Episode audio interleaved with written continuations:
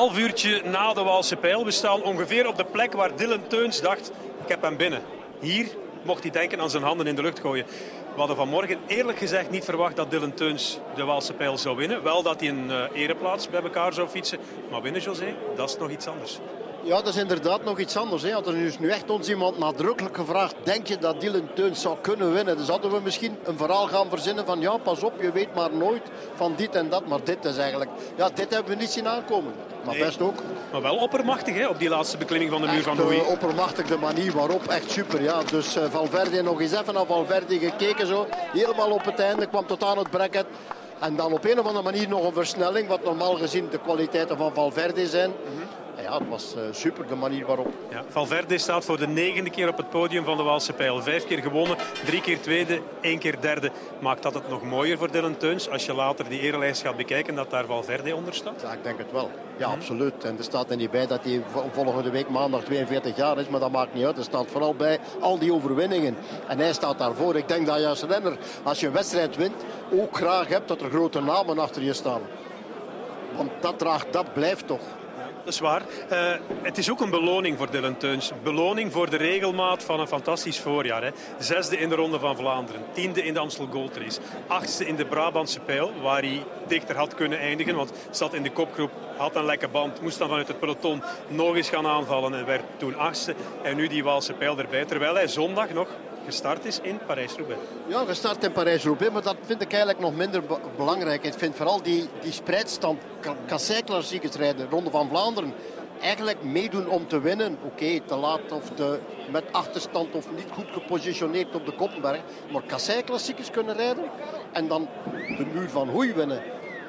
Ja, dat is eigenlijk iets dat compleet ver uit elkaar ligt. En die komt dat hier gewoon doen. Ja, super. Ja, hij heeft wonderbenen, dat is duidelijk. Ja, blijkbaar als, wel. Ja. Als jij nu zijn, zijn ploegleider zou zijn, zou je hem uh, zot krijgen voor zondag ook, voor Luik Bastenaken om die dubbel toch maar na te streven? Er is, uh, ik denk dat dat niet nodig is hem zot krijgen. Ik denk dat hij zot wordt van zichzelf nu. Dat is, die gaat uh, vol zelfvertrouwen zitten. Hij heeft een hele goede ploeg, een hele sterke ploeg. Ploeg van, van Bahrein Victorious. Dus ik zou zeggen, dat zou zomaar kunnen. Ja, het zou zomaar kunnen. Maar als we die, die deelnemerslijst van vandaag bekijken, met het terug nummer 1 binnen de ploeg, stond Wout Poels. Hij mocht een uh, vrije rol krijgen en hij heeft die vrije rol helemaal ingevuld. Voor Bahrein Victorious is het een heel mooi voorjaar geworden. Mohoric die Milan Sanremo wint, Dylan Teuns die de Waalse pijl wint. Mohoric die ook nog eens heel goed was in Parijs-Roubaix. Heel goed was en dan dat zonder Cobrelli. Mm -hmm die dan thuis zit. Ja, Eigenlijk uh, jammer voor hem natuurlijk, vooral heel, heel jammer. Maar inderdaad, ja, een geweldig voorjaar voor die mannen. En zo zie je maar, hè, je gaat uh, met alles en nog wat rekening houden. Mm -hmm. Die ploeg en die ploeg en die ploeg. En dat komt er nu in dit vaar in Bahrein Victorious bij, ja, die, het, uh, die het gewoon doen. Ja. Zijn er verliezers in deze Waalse pijl? Ik, bedoel, ik weet, iedereen die niet wint is zogezegd een verliezer. Maar als je het brede plaatje bekijkt, ja, als je alles bekijkt, wil ik durf het bijna niet zeggen, maar dan moet ik zeggen Quick, Quickstep Alpha Vanille uh, mm vandaag de verliezers. Want ze, ze, dachten van hier toch wel een hele goede kaart hebben met Alaphilippe. Eigenlijk ook goed, hè. Mm -hmm. wordt vierde. Dus dan mag ja. je niet klagen en zeggen dat het slecht is. Nee, ze, ze doen ook niks verkeerd. Nee, maar de nee, kopman nee. maakt het niet af. En moeten ze zich dan zorgen maken over de conditie van Alaphilippe? Ook met het oog op wat zondag komt in Luik-Bastenaken-Luik. Je kan je zorgen maken en je kan uh, zeggen, ja, weer een kans voorbij. Maar wat valt er vanaf nu uh, woensdag tot zondag nog bij te werken? Niks. Uh, het moet er zijn. En als nu blijkt dat het zondag er is, dan zullen we met een hele grote oef zeggen. Uh, zondag gaan ze het wel iets anders kunnen spelen met Remco Evenepoel erbij. Oké, dat is een extra troefkaart.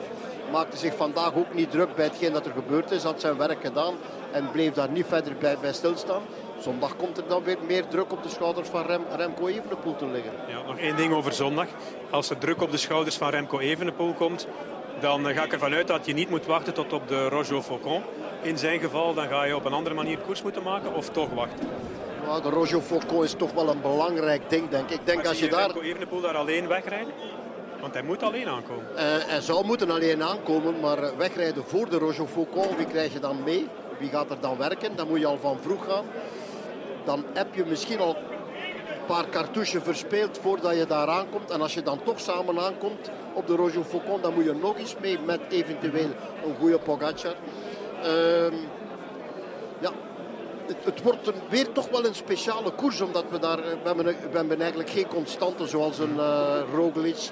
Het, het, zal nu van Pogacar daar moeten komen. Wie gaan daar nog bij zijn? Ja. Antwoord zondag. Zondag. Oké, okay. tot zondag. Geniet van de volgende dagen en uh, tot zondag. U ook.